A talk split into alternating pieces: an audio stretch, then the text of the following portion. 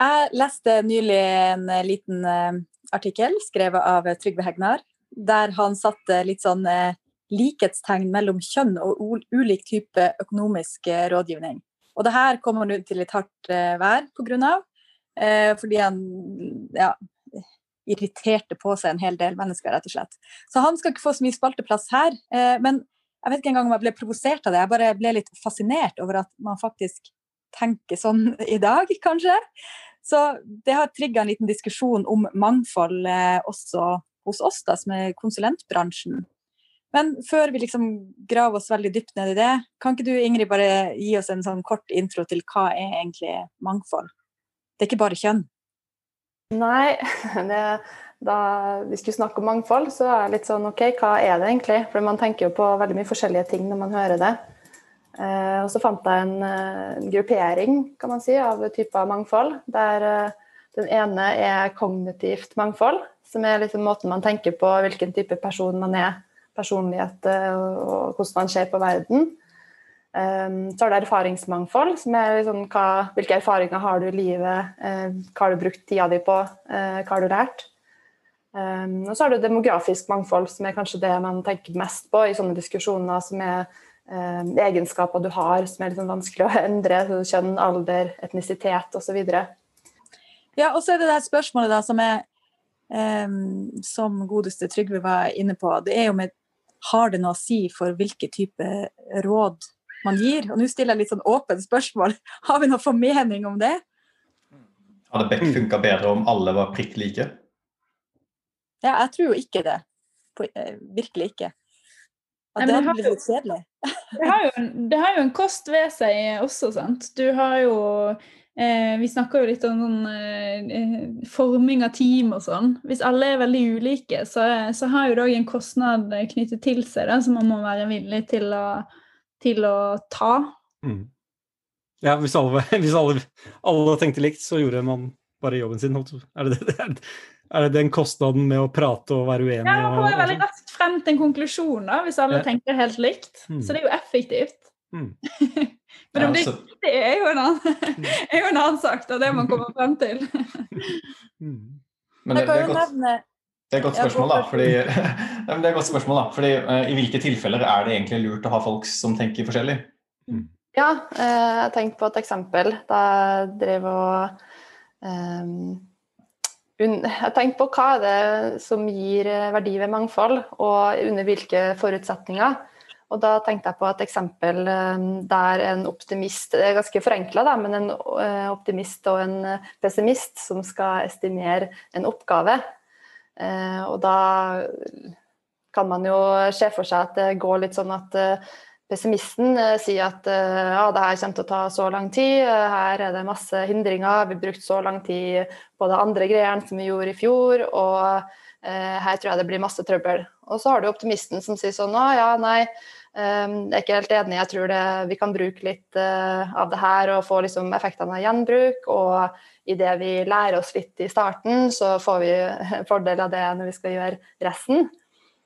Um, og da tenker jeg at uh, en sånn type sammensetning vil uh, ofte være en fordel uh, mot å ha to pessimister eller to optimister, og ikke nødvendigvis fordi at man en sånn, tar en sånn gjennomsnitt av det de tror, men man, fordi man får belyst saken på flere måter. Um, og da tenkte jeg også litt på premissene for det. da fordi hvis eh, begge går inn med et åpent sinn, eh, skjønner liksom, fordelene ved mangfold og tenker liksom her kan jeg lære noe, jeg lurer på hvordan andre ser på dette, så tror jeg man får en, en, god effekt. Samtidig, hvis man går inn og tenker at herregud, så naiv den andre er, eller så sur og negativ den andre er, så tror jeg man får mer friksjon. Da, og, og det er jo litt sånn at like barn leker best. Eh, på et vis. Og så er det noen fordeler med mangfold som, som, man kan utnytte hvis folk går inn med riktig innstilling. Da. Eller ja, bedre innstilling. Mm. Når du nevnte det eksempelet, så tenkte jeg plutselig på at uh, vi har egentlig veldig mye metoder innenfor uh, liksom softwareutvikling for å tvinge frem den type mangfold når vi, når vi ikke har det. F.eks. når vi estimerer, så har vi noen prinsipper om at uh, det bør være en, en sammensetning av den gruppen med folk som faktisk skal implementere det. Med litt, sånn, litt forskjellige måte, erfaringsnivå. Både i blanding av nye som ikke har rørt bortsett før, som får et nytt perspektiv, og med erfarne for å få nettopp måte, den diskusjonen. Og så skal de, måte, de som estimerer høyest og de som estimerer lavest, diskutere sammen. for å komme frem til noe. Og så har vi også for en annen metode innenfor uh, litt mer sånn design. altså den eh, Seks tenkehatter, f.eks. Det er også en måte å tvinge frem mangfold og forskjellige tanker. Så uh, bare kom på det når du sier det, at vi har egentlig veldig mye for å prøve tingene frem. Mm. Ja, jeg bare slenger meg på den, måten, for det, når man også jobber med produkt- og tjenesteutvikling, så prøver man jo gjerne ofte å treffe på flere ulike målgrupper, eller å dra frem de ekstreme for å sikre liksom, at man ikke bare lager noe som man sjøl liker godt, da, eller som bare passer til én. Så det er jo liksom noe med at det går igjen, det her behovet for, for å tenke mangfold og se ting fra litt flere vinkler, da, og det er vel ikke helt uten grunn. Mm. Og det, det, som er interessant her, er at alle disse metodene og alle de tingene vi gjør, er jo egentlig for å tvinge frem kognitivt mangfold. Men, eh, og kognitivt mangfold inkluderer jo da også folk av forskjellige utdanninger. ikke sant? At vi tvinger frem tverrfaglige team med å blande sammen eh, designere med utviklere og forretningsutviklere i samme team. Eh, men spørsmålet er da liksom, hva med de to andre kategoriene? Hva med demografisk mangfold og erfaringsmangfold? Hvordan, hvordan jobber vi med det? Ja, hvordan jobber vi med det? Nei, altså vi, vi, har jo i hvert fall eh, Hos oss har jo vi en modell der vi setter sammen eh, mindre erfarne konsulenter sammen med erfarne konsulenter når vi gjennomfører prosjekter, f.eks. Og da får, jo den, eh, får du både den med erfaring og tyngde som, som kanskje har sett tilsvarende problemstillinger før hos andre, men du får òg liksom det helt ferske perspektivet fra en som, som er relativt ny i jobben og klarer å åpne opp litt og tenke litt nytt på hele problemstillingen, som ikke er så preget av tidligere erfaringer, som også er en fordel. Bare sånn kommentar på det. Det høres veldig, veldig feil ut når jeg sier det, men det finnes jo rubber duck-metode i, i, utvikling. At man skal forklare det til en rubber duck.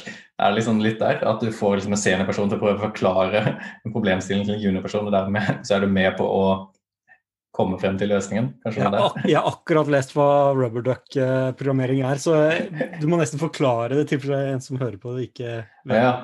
Uh, rubberduck er vel egentlig tanken om at når du sitter fast på et eller annet problem når du koder, så skal du ha en eller annen rubberduck foran deg for, ved maskinen, og så skal du forklare problemet til den uh, rubberducken.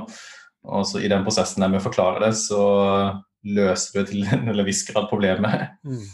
Eh, jeg bare lurte på om det var kobla til senior-junior-greiene. Eller om det faktisk junior ja, nettopp. Men jeg tenker også en annen ting her, fordi fordelen med denne si, eh, variasjonsbredden da, jo, den trenger jo også rom til å la den variasjonen komme til uttrykk. Så det, dette med psykologisk trygghet er jo en ting vi har snakket om tidligere her, og, og som vi også jobber ganske mye med. ikke sant? Denne teamkultur, åpenhet, muligheten til å å lufte de, den diversiteten i, i, tanker og innfallsvinkler man har. Da. Uh, bare før du tar ordet, Pia, så må jeg bare korrigere at jeg mente ikke at alle juniorer er rubber ducks og kunne bli erstatta av, en, av en leke. Det mente jeg ikke. Uh, vær så god, Pia. Ja, nei, Nå har vi egentlig bevega oss litt forbi det som jeg hadde tenkt å komme inn på. da. Det var egentlig bare knytta til det med demografisk mangfold, for én ting er jo alder, men jeg vet ikke sånn på hvis man tenker liksom på eh, geografi og sånt, om vi er veldig gode på det. Jeg, har, jeg, vet ikke om vi har noen bevisst holdning til det, men det bare slo meg at det er kanskje ikke så ofte at det har noe å si om vi har en person fra Bergen og en fra Oslo, f.eks. Men eh, jeg jobba på prosjekt òg, det, det var innenfor dagligvare, hvor liksom det var veldig lett å tenke at en løsning var basert på alt du har i Oslo. At det liksom sånn som Oslo har kolonial, men bor du ute på bygda en plass, så er ikke det på en måte et alternativ. Og så Det finnes også enkelte situasjoner hvor man kan tenke på geografisk eh, mm. mangfold òg. Så det var egentlig bare en litt sånn eh, tilbaketak fra det Jens Andreas snakka om. Mm. Jeg tenker at det kommer jo litt an på um, hvor sammensatt, eh, hvordan sammensatt eh, den eh, brukergruppa eller det er dem som skal benytte seg av det du lager, da, er. For det er klart at Hvis du skal lage et produkt for Oslo, så er det mindre nyttig med den geografiske mangfoldet. Hvis du skal ha noe som bare henvender seg til damer, så er det mindre viktig med mangfold på kjønn. Men i de fleste tilfeller når det gjelder f.eks. kvinner, da, så er det jo gode odds for at du, 50% av brukerne dine er eh, dame eh, eller jente. Og da eh, vil jeg jo tro at det lønner seg å ha flere perspektiver inn der, da. Det er en interessant diskusjon vi kommer inn på nå. Da, er jo at Burde du som utvikler, designer eller forretningsrådgiver speile den brukergruppen du skal lage noe for? Er det et mål? Jeg tror det ofte er sånn. Eh, eller det blir Eller kanskje det er jeg, jeg, mistenker at man finner kunder som fordi du har eh, noen beslutningstagere som tenker at alle kunder er sånn som dem, derfor lager du produkter til den kundegruppen. Dermed så tiltrekker du den kundegruppen. Det tror jeg mener jeg har sett hos en del selskaper. Uh, og da er det masse udekt uh, behov der ute, som vi var inne på her. ikke sant? Du har ikke tenkt på de på landet, og du har ikke noen produkter som passer, eller tjenester som passer for dem. Dermed så utelater et stort marked som du kunne gått inn i, bare fordi du har satt sammen på en måte som gjør at du ikke eh, kommer inn på de behovene. Men sånn i utgangspunktet, da, hvis du er god på metode, så, så bør du jo strengt tatt ikke på en måte yes. trenger å være den, den brukergruppa sjøl. Da skal du klare å nøste opp i hvem er de her folkene, og hva er det de ønsker, og hva er det de har behov for. Mm. Eh, så, så, da er det jo et spørsmål igjen å si, investere i innsikt og ta mm. det på alvor. Mm. Ja, det, ble veldig som fag, faglig igjen her, men altså, veldig mye av metodikken rundt uh, moderne produktutvikling og sånn handler jo om å kontre dine egne biaser og lære av dataene, åpne opp og se hva som faktisk er, gir effekt. Så ja, er, vi har jo snakket litt om det også. Veldig mye av metoden vår handler jo om å kontre mangel på mangfold da, i, i, i det daglige, daglige arbeidet. Mm. Men for å stille et mer kontroversielt spørsmål, da, betyr det da at hvis du lagrer et produkt hvor målgruppen er eh, la oss si 75% menn og 25 kvinner, bare helt tilfeldig, og det skal kun lanseres i, eh, i Norge, eh, på Østlandet, burde da det teamet som utvikler det produktet bestå av 25% kvinner, 75% menn og kun folk som er oppvokst på Østlandet? Jeg svarer med å sette det på spissen tilbake igjen. Er det en fordel at det teamet kjenner den kundegruppen? Kom, altså, hvis du satt på spissen et team med japanere da, som ikke kjenner norsk kultur, hadde de hatt bedre forutsetninger Eller hadde de stilt på like fot med en, et team som ligna mer på kundegruppen? De hadde jo ja. ikke det.